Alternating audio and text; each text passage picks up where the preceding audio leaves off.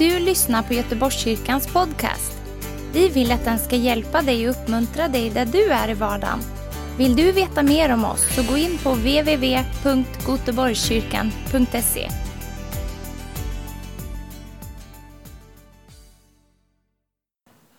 Tack så mycket. Det är ju så perfekt att få lyssna till den här sången också i det här medlyt medlytt Löftena kunna i svika kanske en, en ny. Hur många hade hört den där sången Löftena kunna i svika? Så vi se om vi har det. Det är faktiskt eh, hälften ungefär. Så, så kan det vara. Eh, jag tror att de, i många kyrkor så hade man nog räckt upp händerna, i alla fall 90 procent. Men eh, jag ska citera lite grann det här, eftersom eh, Levi Petrus skrev den här eh, sången 1913 och han var som en, en apostel inom pingströrelsen i Sverige. Och under en kris när han var på väg att eh, förlora sin fru Lydia i en svår sjukdom så kom de första verserna. Sen var det en väldig kris i församlingarna, i hela pingströrelsen, så kom det lite fler versar. Och så får han bara det här till sig utifrån det temat som vi har idag. En tro som ser. Gör så som Abraham gjorde, blicka mot himlen upp. Ska vi titta lite uppåt? Varför skulle han göra det? Jo, medan du stjärnorna räknar växer din tro ditt hopp. Om man inte lyssnat på bibeltexterna, inte gått i söndagsskola, så hajar man ingenting utav det här. Men jag ska förklara. Tro när det mörknar på färden, solen ej slocknat har. Ganska så självklart, eller hur? Men lite svårare att praktisera. Blott några timmar och sedan strålar en morgon klar. Och så kommer nästa, tro när dig världen förföljer. Tänker du, du kanske mest har blivit förföljd av religiösa. Men denna tidsålderns anda härskar ju både i religion och i denna världen. Tro när du blir förföljd. Tro när människor talar illa om dig. Tro när de tittar snett på dig. Med dig i ögnen het vandrar en gudason härlig, prövade själ det vet. Nu snurrar det i huvudet på väldigt många här. Vad är det liksom, liksom i ögnen? Jo, det var ju några som stod upp för sin tro och de säger bara om det är så att vi ska dö för våran tro så ska vi ändå inte tillbe några avgudar.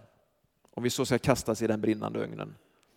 Och de här tre kompisarna till Daniel kastas in i ögnen. Vad ser de då? Och vad ser de andra också? En människoson som bara är där. Och de luktade inte ens bränt när de kom ut ur ögnen. Så kan vi komma ut ur en prövning så het, så fruktansvärd, när vi väljer att tro och inte böja oss för några avgudar. Visst är det starkt?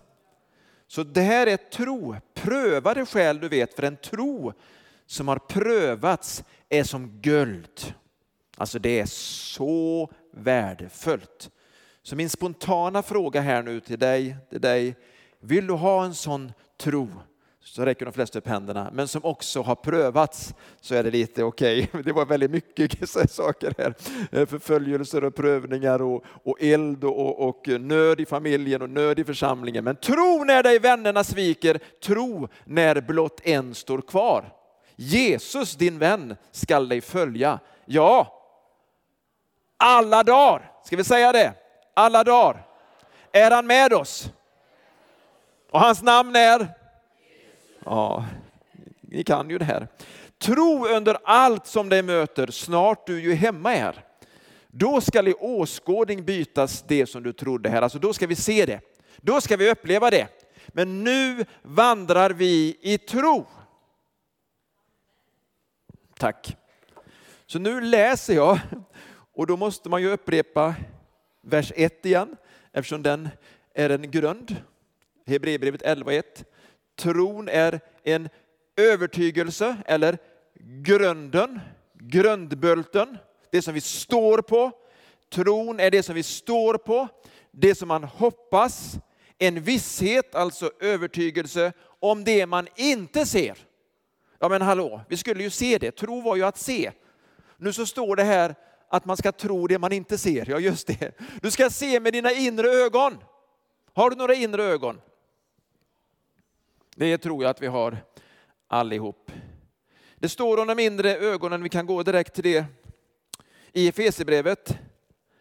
För att det kan vara bra att veta vad det är för ögon vi ska se med och vad det är de här ögonen ska se. Så vi scrollar ner i Efesierbrevet kapitel 1, vers 18 till 19. Går det inte riktigt i den här ordningen, förlåt mig eh, datatekniker, men i Efesierbrevet 1, 18 till 19 så ber Paulus så här, jag ber att era hjärtans ögon ska få ljus. Varför ska de få ljus? Så att ni förstår vilket hopp han har kallat er till, hur rikt och härligt hans arv är bland de heliga och hur oerhört stor hans makt är i oss som tror. Därför att hans väldiga kraft har varit verksam.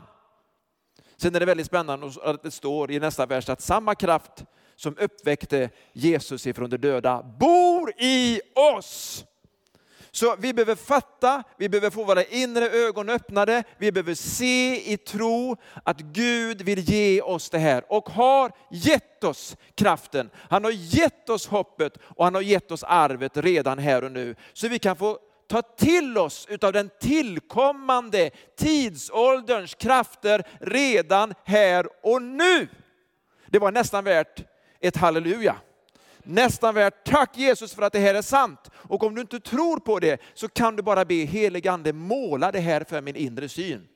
Helige ande, låt mig få öppnade ögon. Och har du människor som verkar bara gå i blindo och, och, och, i hopplöshet och inte förstår hur rika de är i Gud, inte förstår vilken kraft de har i den helige ande, så säger vi Gud, ge deras inre ögon ljus så att de ser hoppet, kraften och arvet vi har i Kristus.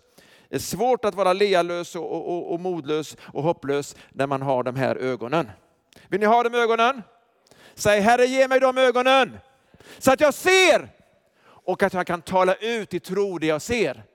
Mummel, mummel, mummel, mummel. Så att jag kan tala ut i tro det jag ser.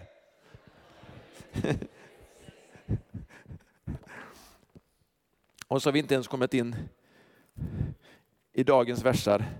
Men nu kommer de. Då är vi på vers 8. Hebreerbrevet 11. Jag läser hela sammanhanget först. Följ med. I tro lydde Abraham när han blev kallad att dra ut till det land som han skulle få i arv. Och han begav sig iväg utan att veta vart han skulle komma.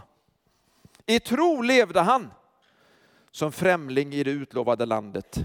Han bodde i tält tillsammans med Isak och Jakob, som var medarvingar till samma löfte.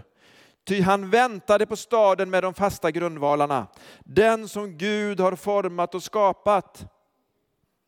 Genom tron fick också Sara kraft att bli mor för en avkomma fast hon var överårig.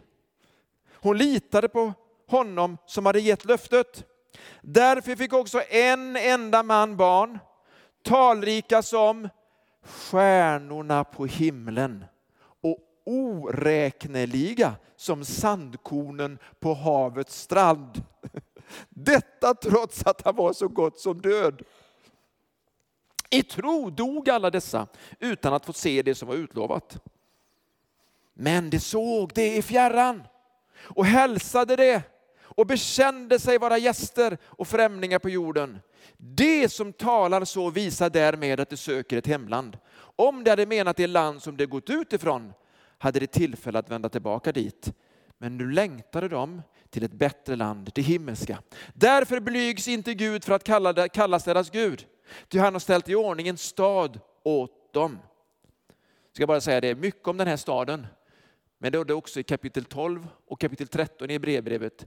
Så jag väntar lite, eller någon lite senare för att predika om den staden, det himmelska Jerusalem. Men inte idag. I tron bar Abraham fram Isak som offer när han blev satt på prov. Ja, sin enda son bar han fram som offer fastän han hade fått löftena. Och till honom hade Gud sagt, genom Isak ska du få dina efterkommande. Abraham räknade med att Gud hade makt till och med att uppväcka från de döda. Därifrån fick han honom också tillbaka bildligt talat. Eller som en översättning säger, som en förebild.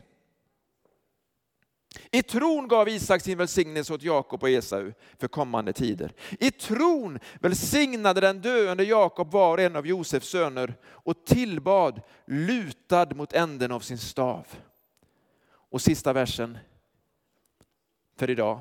I tron påminde Josef när han låg för döden om Israels barns uttåg och gav befallning om vad som skulle göras med hans ben.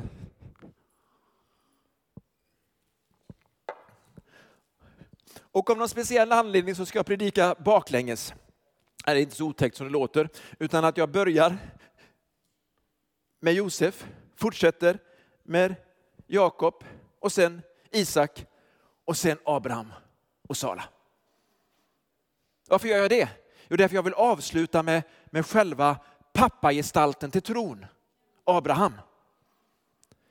Och de andra nämns för att det är så tydligt att det handlar om många generationer som överför tron. Och jag blev så inspirerad här att det var många tillsammans, många som skulle överföra tron. Perfekta liv? Nej. Men tron skulle överföras. Lydnaden skulle hedras. Gud skulle bli känd och förkunnad. Så därför ska vi överföra tron generation efter generation och även tillsammans. Om vi då börjar med Josef. Vad var det för speciellt som Josef gjorde? Otroliga saker, men den här sista saken förkunnar vi sällan om. När han ska dö så säger han, låt inte mina ben begravas i den här jorden, här i Egypten. De ska till, vilket land då? Löfteslandet, till Kanans land. Och så profeterar han om att det kommer ett uttåg, Det skulle komma 400 år senare, så många år senare. Men ta med mina ben, säger han när han ska dö. Ta med mina ben! Och vad står det i bibelboken att Mose gjorde? Han tog med Mose ben. Ja, det är fantastiskt. Andra Mosebok kapitel 13, vers 19 om du vill läsa eh, på det där lite grann. Jag tycker det är så spännande. Därför att man lydde de här, man trodde, så gjorde Josef. Och vad gjorde Jakob för någonting? Jo, Jakob står det ju att han välsignade sina söner på dödsbädden. Och så välsignade han alla sönerna och så profeterade han över alla dessa stammar. Han överförde tron genom profetiskt tal. För det skulle vara signifikativt och känneteckna dem i generationer framöver. Alltså det var en handling i tro. Vad gjorde Isak för någonting? Han välsignade också sina söner. Det handlar om att överföra tron. Sen vilket exempel Isak är på i tro, som vi sällan tänker på, kommer jag lite senare till. Nu backar vi och så tar vi om Abraham. Tillbaka till vers 8 och så tar jag lite vers för vers. Följ med mig här nu. Vad är det första? Vad var det första som Abraham gjorde? Han lydde i tro. Vi hör inte det uttrycket så ofta. Vi talar mycket om, om tro. Nästan som att det var en känsla. Nu känner jag att jag tror, nu går jag. Nu känner jag att jag har ingen bra dag, jag kan inte leva i tro idag. Det står det ingenstans i Bibeln. I så fall får du visa mig det. Du kan, tror inte ens du kan hitta en översättning i världen där det står att din tro ska bygga på känslor. Ändå är det så många, eller flesta erkänner att man någon gång bygger sina liv, sin, sin tro på känslor. Är, är det någon som är med mig? Känner igen det här? Det står inte. Tron är grunden för det vi hoppas på. Tron är förankrad i Gud, i den han är. Tron är förankrad i hur stor Gud är och vad han har lovat, det ska han infria. Gud är förankrad i honom själv, i hans ord, i hans löften, vad han har sagt. Ibland så känner du inte lika mycket för det som han har sagt. Har du inte samma känsla i din kropp eller därför att dina ögon verkar se det som är tvärtom. Är det någon som känner igen sig i det här? Är det någon som har löften som du har fått som inte har blivit uppfyllda? Nästan alla. Förmodligen, är du tänker efter, kanske allihop. Ingen av dessa fick se alla löftena uppfyllas. Men man fick se att det började. Man fick se att det startade. Och när Abraham liksom kollar upp där så ser han hur många, hur många hans avkomma ska bli. Så låt oss läsa det ifrån första Mosebok. Och så läser vi kapitel 15 och två versar där. Vers 6, 5 och 6. Herren han har kallat Abraham, står det, Herren förde ut Abraham, alltså från tältet till den stjärnklara natten och sa, blicka mot himlen och räkna stjärnorna om du kan. Jag tycker att det är bra. Man får hålla på rätt länge och det är väldigt stjärnklart. Sedan sa han till honom, så många ska dina ättlingar bli. Och Abraham sa, hallå där, köp blåbär. Jag har ju inte ens ett enda barn. Nej, men han kanske tänkte det. Vad säger Abraham för någonting? Abraham trodde på Herren och Herren räknade honom som rättfärdig. Och det innebär att man inte tillräknas någon synd eller någon skuld för att han trodde på vad Gud talade. Tror du på vad Gud talar? Tror du på hans löften? Tror du på hans ord? Det ska ske så, men han samverkar med din tro. Det sker inte, by, det sker inte genom automatik. Det sker genom att du väljer att tro. Du säger, jag tror Herre. Du kan säga, hjälp min otro. Jag tror Herre. Jag vill tro, jag tror. Jag står på dina löften. Och varenda natt när det var som mörknast, mörkast och det inte var moln, så såg han, var jag så många ska de bli. Men han var 75. Uppfylldes inte förrän han blev 100. Ja, han fick en son utanför eh, äktenskapet som inte var löftesson, men han var 100. Det tog rätt, 25 är ju rätt många år, är det inte det? Hallå? Jag tror att en del av er har väntat på löftena mer än 25 år. Man tycker 25 år är jättemånga år. Eller hur? Om man räknar dagar och timmar och sekunder. Men vi håller fast vid löftena som Gud har gett, inte det vi ser. För många gånger så ser det värre ut. För Abraham var att han blev gamlare och äldre och han fick förmodligen inte till det som en man i den åldern förmodligen inte brukade få till det. Därför att han var så gammal. Kroppen var så som död. Abrahams, eh, Saras moderliv var dött. Men han trodde ändå. Hur är det med oss? Abraham är vårt exempel, ett inspirerande exempel att följa. Jag ska bara, innan vi läser vidare här, vi läser vidare förresten. Han begav sig iväg utan att veta vart han skulle komma. I tron levde han som främling i det utlovade landet. Han bodde i tält tillsammans med Isak och Jakob. Med barn och barnbarn bodde han som var arvingar till samma löfte. Ty han väntade också i tro. Han levde i tro. Han väntade i tro. Känner ni igen det? Det är inte alltid bara att jag proklamerar i tro, jag tar ut det i tro idag och nu, annars kan det kvitta. Nej, det handlar om att vänta, att leva. Han väntade på staden med de fasta grundvalarna, den som Gud hade format och skapat. Och så står det, genom tron fick också Sara kraft att bli mor, fast hon var överårig, för hon litade på den som hade gett löftet. Alltså vem är det som har talat? Din känsla, en människa, en tidning, eller är det Gud själv? Ja men det står ju i, i, hans ord. Ja men han kan också ge tilltal i ens inre. Hur många av er bara vet, jag har fått ett sånt tilltal. Jag kan överraska dig med, du fick ju det när du blev frälst. Annars är du ju förmodligen inte frälst. Du talar ju till dig, han väckte dig till liv och du ropade på Jesus och du blev frälst. Du kanske har fått många bönesvar, men du ska få ännu mer. Men kom inte in i modlöshet och otro och slarva bort kallelsen. Sara och Abraham tog till sig den. Det kanske finns sådana som inte är omnämnda här, som också fick kallelsen, också fick tilltalet, som bara är borta ur historien. Men här har vi historieskrivarna. Abraham och Sara tog emot kraften, tog emot tron. Hör vad Romarbrevets författare säger kapitel 4, vers 19 fantastiska versar. Där står det om Abraham, Romarbrevet 4, vers 19. Han sviktade inte i tron. Då han tänkte på att hans egen kropp saknade livskraft. Han var då omkring 100 år och att Saras moderliv var dött. Han tvivlade inte i otro på Guds löften utan blev istället starkare i tron och gav Gud äran. Alla engelska översättningar säger inte och Gud gav äran utan giving glory to God. Alltså tron blir starkare när vi håller på att ge ära till Gud. När vi prisar honom, när vi tillber honom, när vi är där och bara ärar Gud. Då växer tron.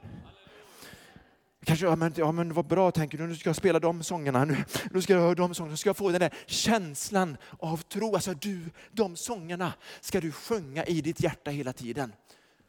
Du kan bli stimulerad och hjälpt av andra som sjunger med dig. Men det är du själv som ska prisa honom. Det är du själv som ska ge ditt hjärta i tacksägelse och säga Gud jag ärar dig. Omständigheterna säger att det är slut med mig och min familj och min församling och min stad och så vidare. Men dina löften säger att du ska regera, du ska segra, du ska övervinna. Och vi säger, ja, eller så kan man säga halleluja. Är det tack Jesus? Eller bara glory to God? Woo! Vad är det som händer nu? Jag måste bara få berätta någonting. Jag har ju berättat det här förr. Vet du, jag tillhör de här 90 procenten som hör en rolig historia.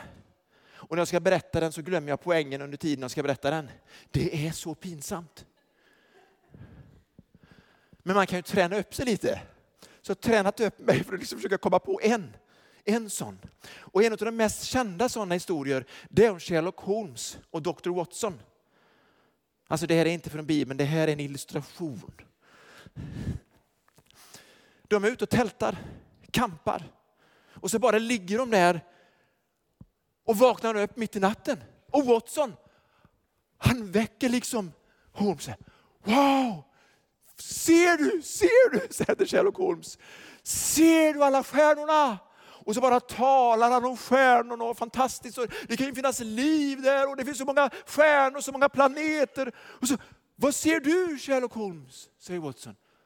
Vad jag ser? Jag ser att våra tält har blivit stulet, säger han.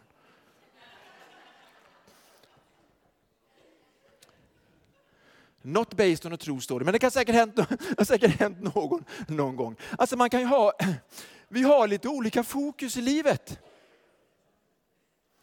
Jag väljer att ha fokus att se på stjärnorna.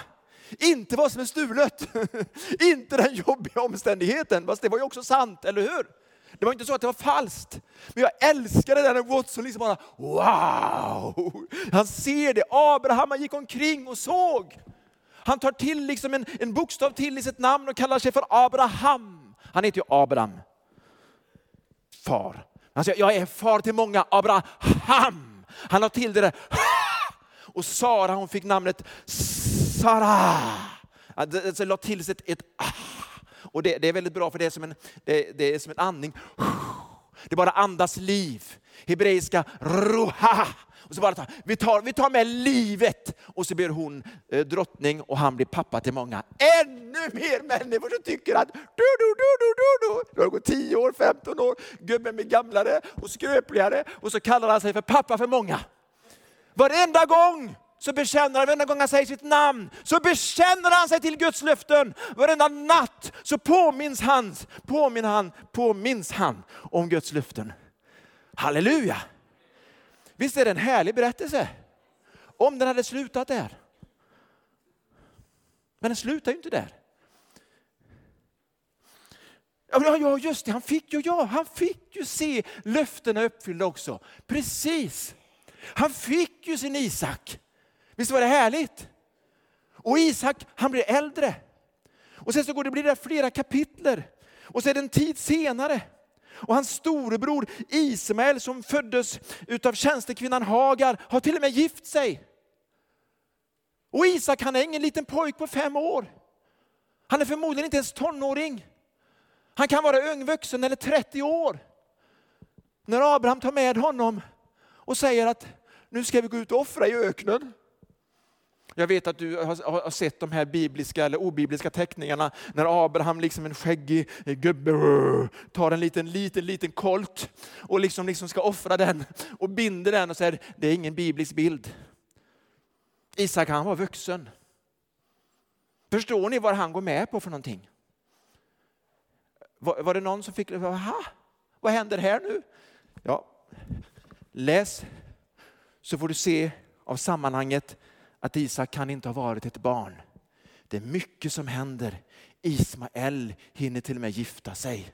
Då förstår du liksom att han var ingen liten kolt. Dessutom efter det kapitlet, en tid därefter. Ska vi läsa det här? Yes, vi bara tar det nu. Medan vi ändå sitter här på den här fantastiska gudstjänsten. Och så ska jag läsa de bibelorden ifrån första Mosebok. Och det är vi inne i kapitel 22. Vill du följa med, gör gärna det. Vill du bara lyssna, så gör det. En tid därefter satte Gud Abraham på prov. Han sa till honom, Abraham, han svarade, ja här är jag. Alltså det var ju liksom inte så att Gud inte visste vad han var. Det här betyder, jag är din tjänare. Då sa han, ta din son Isak, din enda son. Herren kallade honom det för att det var löftesonen som du älskar. Hör här nu, Gud vet om våra känslor. Han vet om vilka vi älskar så mycket så att vi kan göra vad som helst för dem. Offra våra liv för dem, eller hur? Men inte offra deras liv. Så det var något jättesvårt. Gå till Moria land, offra honom där som brännoffer på ett berg som jag ska visa dig. Tidigt nästa morgon stadade Abraham sin åsna. Alltså det var ingen väntetid på att lyda. Tog med sig två av sina tjänare och sin son Isak. Ser ni bilden nu? Ingen pojk, ingen tonåring. Varför står det gosse då? Ja, men det, det kan stå gosse, det kan stå eh, pojk, men det kan lika väl betyda ung man. Det är därför man har misstolkat det här. Men hela sammanhanget säger sedan han huggit ved till brännoffer gav han sig iväg mot en plats som Gud hade sagt åt honom att gå till. När Abraham på tredje dagen lyfte blicken fick han se platsen på avstånd. Han sa då till sina tjänare, stanna här med åsan, åsnan. Jag och pojken går dit bort för att tillbe och sedan kommer vi tillbaka till er. Abraham tog veden till brännoffret och lade den på sin son Isak. Hur mycket ved tror ni man behöver? Hallå, hur många är det som har en gissning? Är det en liten ICA-påse? Är det två ICA-påsar? Det är mer. Ser ni också förebilden när Jesus får bära sitt eget trä, han får bära sitt eget kors. Ser ni förebilden på Jesus i Isak? Som Jesus gav sitt liv frivilligt Isak, han är med. Han verkar inte riktigt förstå vad som händer. Men vi förstår att det är en vuxen person, en stark person som bär veden till brännoffret. Själv tog han elden och kniven och det gick båda tillsammans. Ja, så kan det vara. Och så står det sen, vad blir det nu? De gick båda tillsammans. Isak sa till sin far Abraham, far. Han svarade, ja min son. Han sa, vi har eld och ved, men var är lammet till brännoffret? Abraham svarade, Gud kommer att utså, utse åt sig lammet till brännoffret, min son. Han säger till tjänarna, vi kommer tillbaka. Inte jag kommer tillbaka. Här visade sig vilken tro han hade, att de båda två skulle komma tillbaka. Han säger till sin son, Gud utser offret. Alltså han tror på någon som skall komma. Gud kommer att utse åt sig lammet till brännoffret min son. Så fortsatte de sin vandring tillsammans. När de hade kommit fram till den plats som Gud hade sagt till Abraham byggde han ett altare där och gjorde i ordning veden. Sedan band han sin son Isak, la honom på altaret ovanpå i veden och Abraham räckte ut handen och tog kniven för att slakta sin son. Vad är det som händer då? Abraham, Abraham, ropar Herrens ängel. Här är jag, säger Abraham igen. Lyft inte din hand mot pojken, gör honom ingenting. Nu vet jag att du fruktar Gud. Wow. Då du inte ens har undanhållit mig din enda son. Abraham såg sig omkring och fick då bakom sig se en syn, en bagge som hade fastnat med hornen i ett snår. Abraham gick dit, tog baggen, offrade den till brännoffer istället för sin son. Och Abraham kallade platsen för Herren förser som vi idag översätter till Herren är vår försörjare. The Lord is my provider. Idag säger man berget där Herren förser. Herrens ängel hade gjort detta. Herrens ängel sa, ropade ännu en gång till Abraham, jag svär vid mig själv, säger Herren, eftersom du har gjort detta och inte undanhållit mig din enda son, skall jag rikligen välsigna dig och göra dina efterkommande talrika så som stjärnorna på himlen och så vidare. Wow! Förstår ni här att det räckte inte med att föda fram eller, eh, eh, eller eh, fostra upp en son. Han skulle också offra den som han älskade mest i livet och visa att han trodde. Och vad var det han skulle tro på? Han skulle tro på Guds makt att också uppväcka de döda. Hör ni vad jag säger? Här handlar det om uppståndelsen. När Abraham eller när Jesus käbblar eh, med judarna i Johannes 8 så säger Jesus, Abraham, han såg min dag. Och säger judarna, ja, men du är inte ens 50 år. Hur, hur kunde Abraham se din dag? Liksom, du är... Abraham såg Jesus. Han såg hans dag. Han såg hans uppståndelse, hans död och uppståndelse. Abraham såg vad Herren hade gjort. Hur kunde han bli frälst? Han trodde på den som skulle komma. Hur är det med oss idag? Det här har redan hänt. Jag tror att det har hänt. Han har dött, men han har också uppväxt ifrån de döda. Det är det som ger mig frälsning och rättfärdiggörelse. Det är likadant för dig och för dig med. som fortfarande är kvar här eh, några minuter innan tv-sändningen avslutas. Tro, det börjar med tro. Marta och Maria de kunde inte tro, men så irriterade och frustrerade. Sörjer. Lazarus är död, du var inte här. Det har gått fyra dagar, du var inte här. Och Jesus har sagt, det här ska förhärliga Herren. Och när Jesus kommer så säger han så här i Johannes 11, 39-43, så bara ställer han sig där och så säger han, ta bort stenen, säger han alltså till graven. Den döde syster Marta sa till honom, Herre, han luktar redan. Det är fjärde dagen. Alltså de säger Jesus, nu blir det pinsamt. Är det någon som känner igen det? Har ni varit med om sånt? När någon liksom går ut i tro och säger, nu blir det pinsamt. För Gud, han kommer nog kanske inte att stå upp för sitt löfte. Här är det gudasonen själv som säger, ta bort stenen men han luktar. Alltså man argumenterar. Därför man har inte sett det. Och vad är det Jesus säger? Om du tror, har jag inte sagt dig, alltså det var inte första gången, har jag inte sagt dig? Jag säger till oss också, har inte Gud sagt till oss att om vi tror får vi se Guds härlighet? Så inte per automatik, utan det börjar med att vi tror. För att vi sen ska kunna se, så säg, jag vill tro.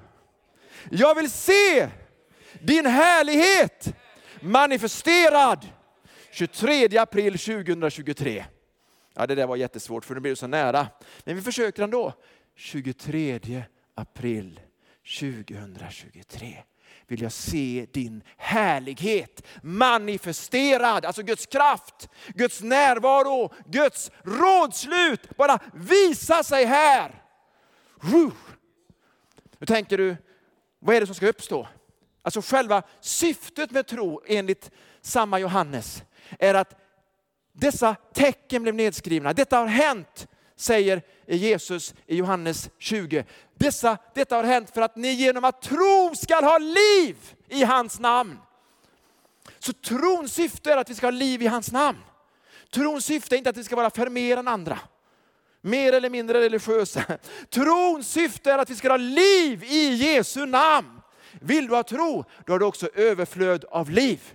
Och då tänker du inte på vad tjuven har stulit utan vad Jesus vill ge dig. Halleluja! Och det som han har stulit, tjuven, det skall Gud ge sjufalt igen. Varför inte? Han har makt att till och med uppväcka ifrån de döda. Alltså när vi begränsar våran, hans makt så blir det fel. Men ni förstår att samma heliga ande bor inom oss. Woo! Finns det mer eh, härligt att få? Jag tror det. Några minuter till. Nu gäller det oss, vi som är här.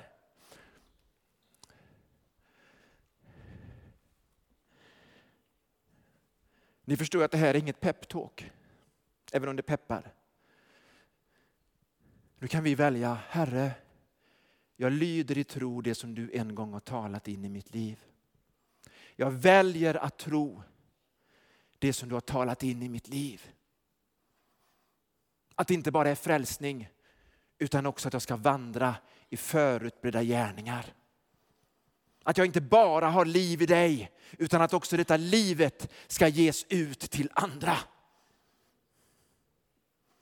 Att jag inte bara uppehåller och överlever som frälst utan att jag blev en övervinnare i tron och lever ut livet, halleluja, och gör lärjungar.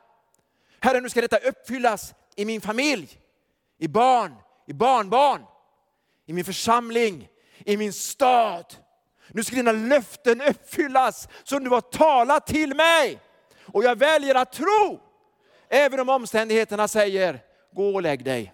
Om omständigheterna säger ge upp, så väljer jag att tro. Gör så som Abraham gjorde, blicka mot himlen upp. Så många som stjärnorna är i himlen, så många ska den avkomma bli. Hur många ska bli Abrahams barn? Nu tänker jag inte bara på judar och araber, jag tänker på trons barn.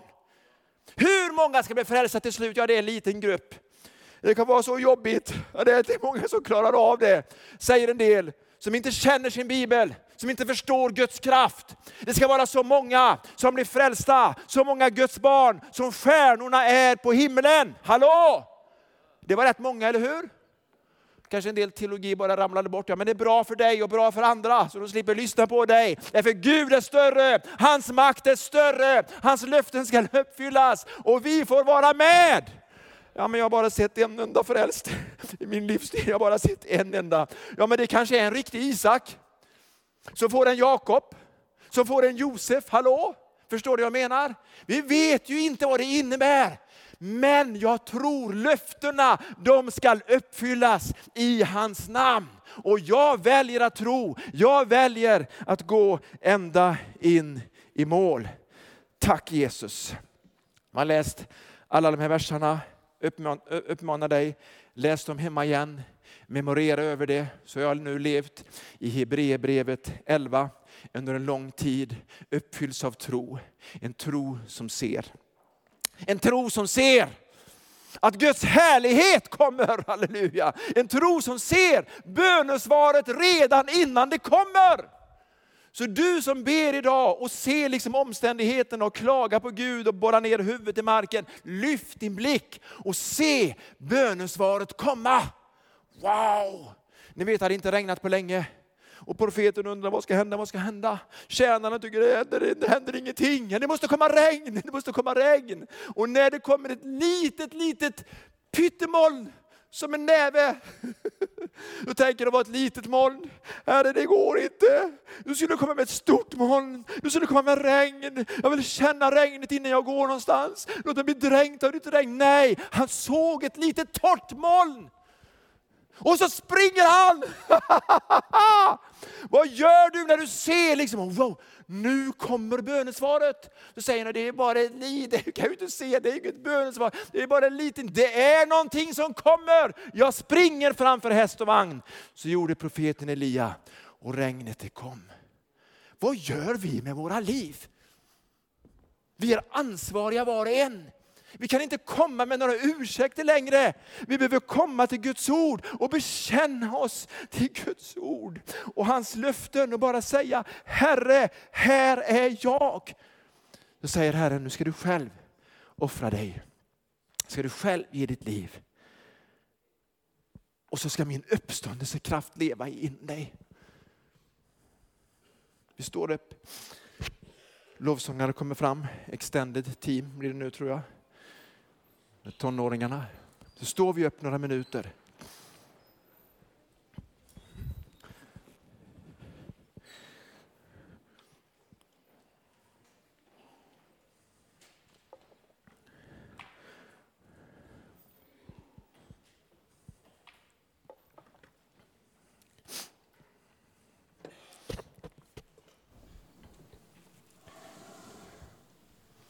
Tack Jesus. Säger jag då till er på TV Vision Sverige. Fortsätter sändningen på Facebook, Göteborgskyrkan. Tack Jesus. Tack Jesus. Jag ska fråga. Jag ska fråga bara att du kan ge en respons på något sätt. Dig som vill börja tro igen. Jag menar börja tro igen. Du vet att du hade det. Du såg det. Du hade bilden. Men omständigheterna, åren har fejdat ut den här klara bilden du hade av vad Gud ville och vad Gud hade lovat för dig, din familj, din framtid, din kallelse. I tro gick du ut som Abraham, i lydnad började du bra. Så stannade du till och du behöver en förnyelse i din tro. Så bara sträck din hand, det handlar om dig. Bara lyft den högt, för vi är många. Bara lyft den högt.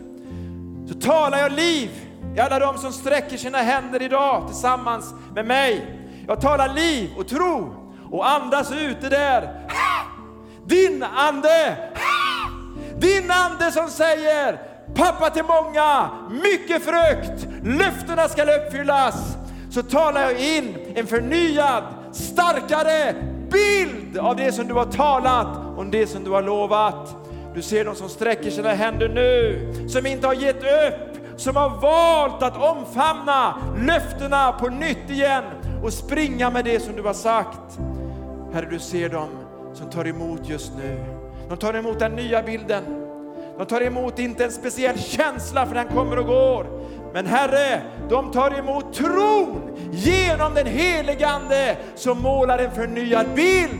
Det jag har sagt, det jag har lovat, det ska jag utföra i dig, genom dig och du ska överföra det till nästa generation. Vill du det? Till nästa generation. Då kan du börja redan här och nu. Så gjorde Abraham när han bodde med barn och barnbarn. I Jesu namn. Amen. Kan ni ta ner era händer? Det finns också de här som bara vill vara trons budbärare, vill förmedla tro, men märker att det går inte så bra. Många gånger handlar det om att man har fel bild av Gud. Och så blir det en blind tro. Så bara tar man tro. Man tänker att vi skulle inte ha några känslor, men det är inte det det handlar om. Den blinda tron, den ser inte. Den har bara en bekännelse. Man bara talar någonting, men man ser det inte. Man har inte en förvissning i sitt hjärta.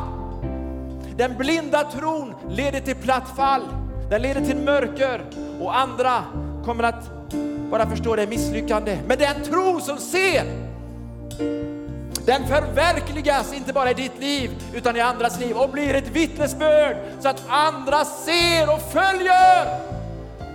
Det är ingen blind tro som attraherar generationerna som kommer utan det är den tron som ser, omfamnar, den som lever ut den idag. Den som inte bara talar om himlen någon gång i framtiden, eller absolut inte den som bara talar om att vara bättre förr utan den som lever idag, den som ser idag, den som tror idag, den som ber och tror och förvandlar och förändrar och vittnar idag. Så jag frågar dig, vill du vara med? Sträck din hand, säg efter mig, Jesus, jag vill vara med. Jag vill se, jag vill vandra i tro. Jag vill göra en skillnad idag. Jag tar emot det idag. Tack Jesus. Amen. Halleluja. Vad härligt. Tack för att du har lyssnat. Dela gärna podden med dina vänner och glöm inte prenumerera. Om du har frågor eller vill att vi ska be för något så mejla oss på info På söndagar har vi veckans höjdpunkt. Då firar vi gudstjänst tillsammans och det vore så kul att träffa dig där. Men vi har även samlingar för barn då? Gå in på vår hemsida goteborgskyrkan.se så får du veta mer. Välkommen till oss!